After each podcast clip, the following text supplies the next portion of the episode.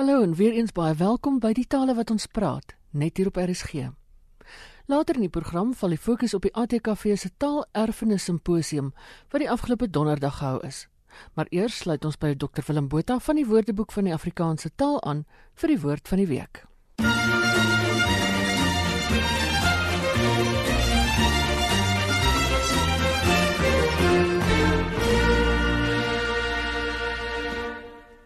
Willem, vertel ons bietjie meer oor polifink.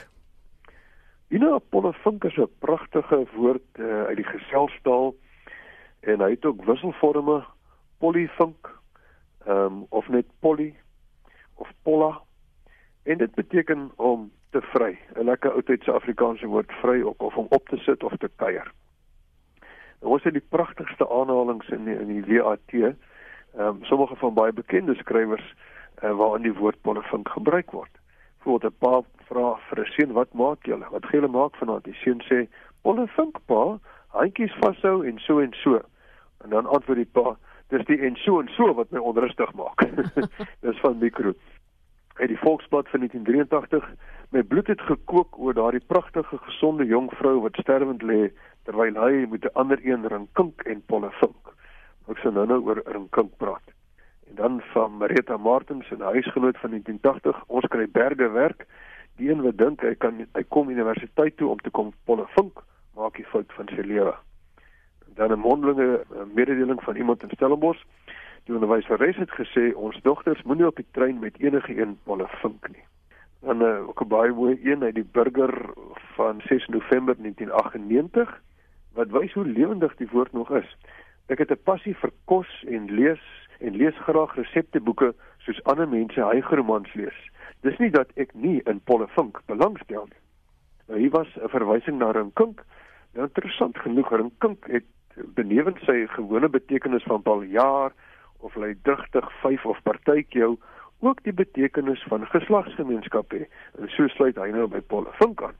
Rafot eweneens benewens sy gewone betekenis van uitbundig speel kan hy ook beteken op 'n vurige of hartstogtige manier vry of met mekaar omgaan.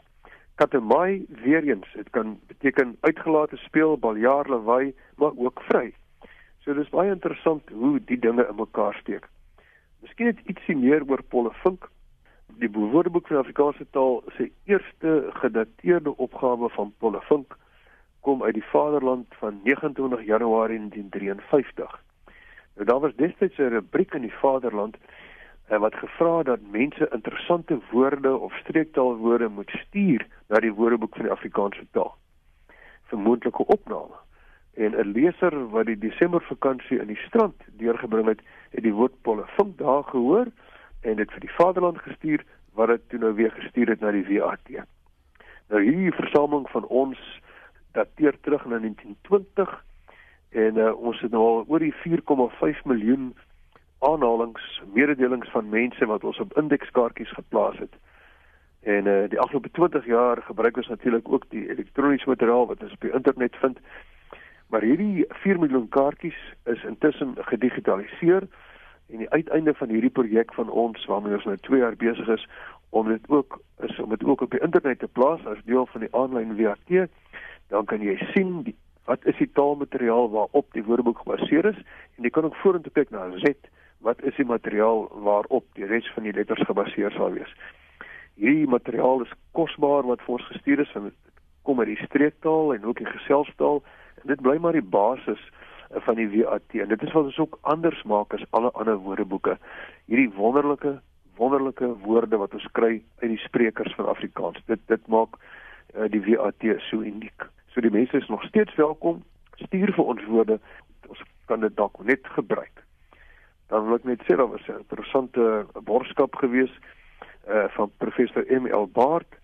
Sy het die term inligtingstegnologie eksklusief geborg vir haar seun Daniel Baard. Almal kan deelneem aan borgwoord. Jy kan enige Afrikaanse woord borg. Gaan na ons webtuiste by wat.co.za of Google borgwoord of Woordeboek van Afrikaanse taal. Jy kan dalk R25000 uh, eh, beskikbaar gestel deur Sanlam wen.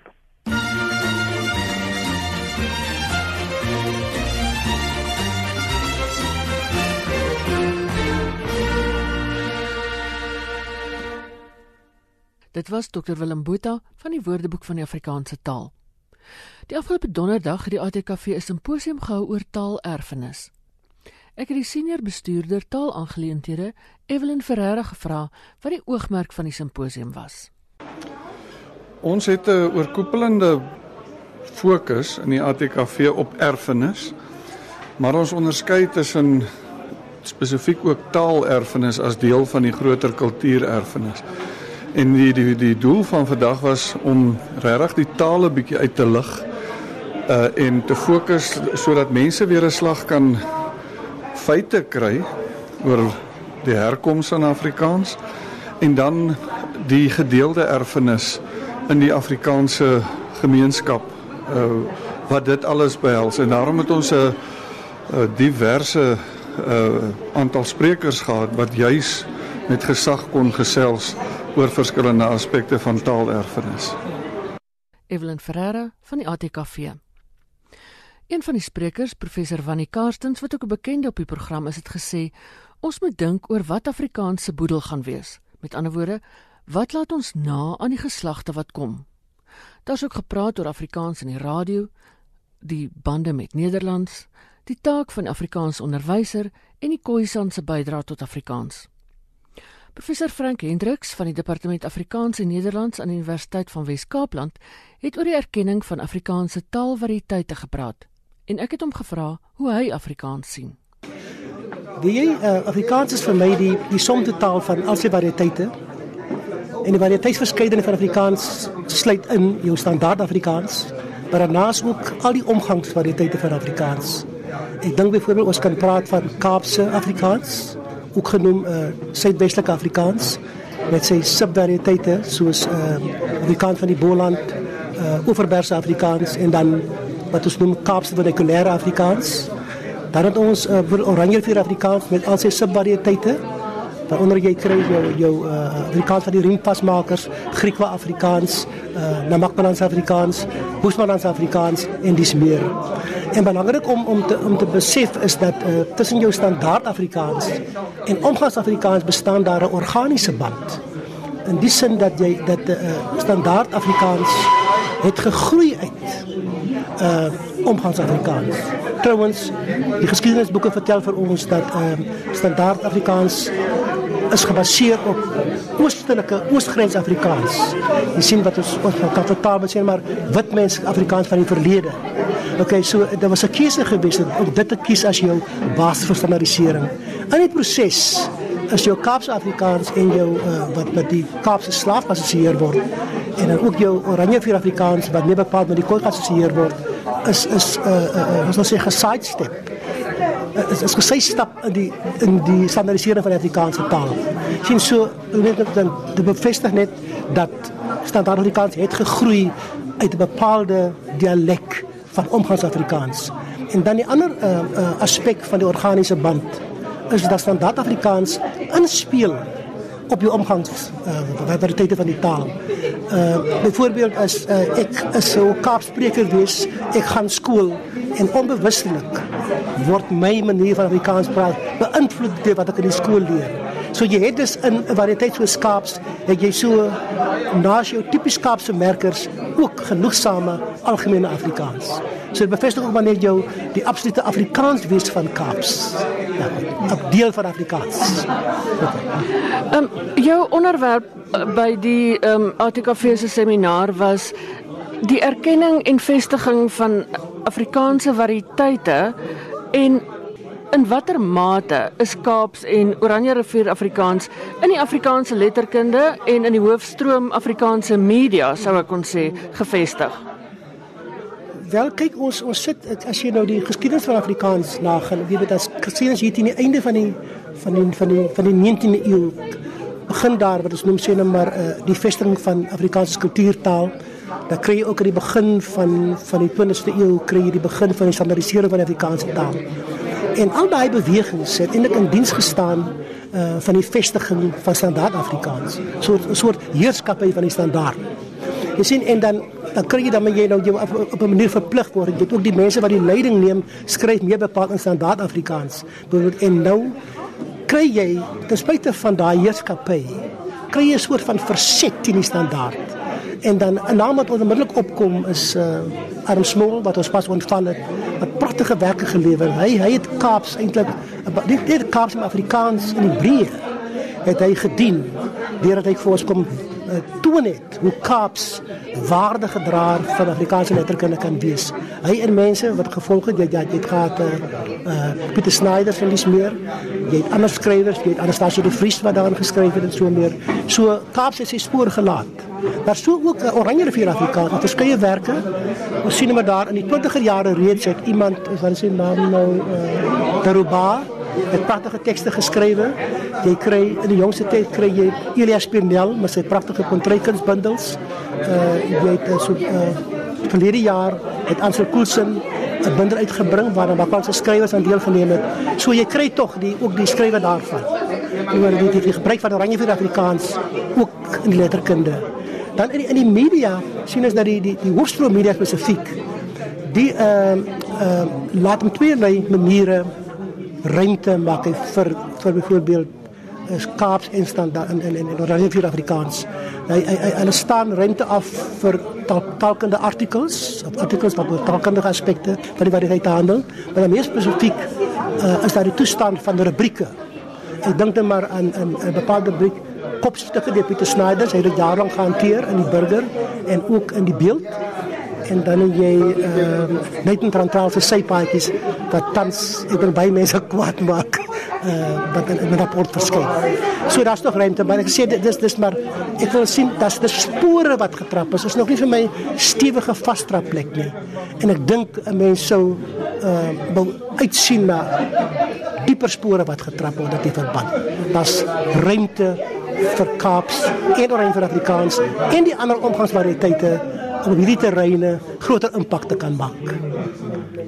Wat moet gedoen word om groter stuurkrag te gee aan die gebruik van Kaaps, Oranje rivier Afrikaans en die ander variëteite in letterkunde in die media? Kyk, uh, om dit reg te kry moet my op dat dan 'n stewige vasstraping te verseker moet dat die die teelaar daarvoor geskep word. Ek kan maar dink op die terrein van van taalnormering, as mense daaroor wil praat. Kyk jou jou jou standaard Afrikaans wat ons sê maar as historiese erfenis het is meer bepaald gevoed deur sê die Afrikaans die, die omgangs Afrikaans van wit mense.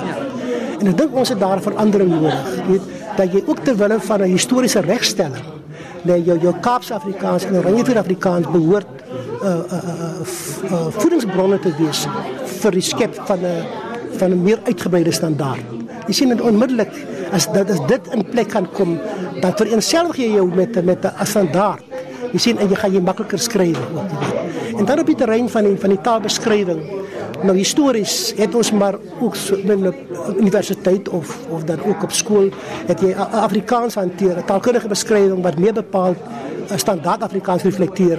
En ek ek beywer my vir 'n inklusiewe wat ek noem polilektiese taalbeskrywing waarin jy al die variëteite binne een raamwerk kan akkommodeer. En dan word jou stelsel sistematiek wat in die taal op op opgesluit lê, moet 'n weerspieëling wees wat wat standaard Afrikaans en die omgangswêreld van Afrikaans plaasvind. Sien, dis my belang. So ook dit kan dus help om om hierdie innerware die heerskappy van standaard Afrikaans te steun. Kan ek nog iets vra? ja, goed. Het 'n taal nodig om 'n standaard variëteit by gebrek aan 'n beter woord te hê. Absoluut. Jy kan nie sonder standaard nie. En mense wat sê die standaard moet val as jy daarom gehoor sou gee, dit gaan Afrikaans in die voet skiet. Dit gaan Afrikaans laat inplof. 'n Taal moet 'n standaard variëteit hê. Maar wat ek sê is ons moet ons standaard verander, ons moet hom uitbrei sodat jou standaard Afrikaans die speling kan wees van die volle draagwyte van die Afrikaanse taal.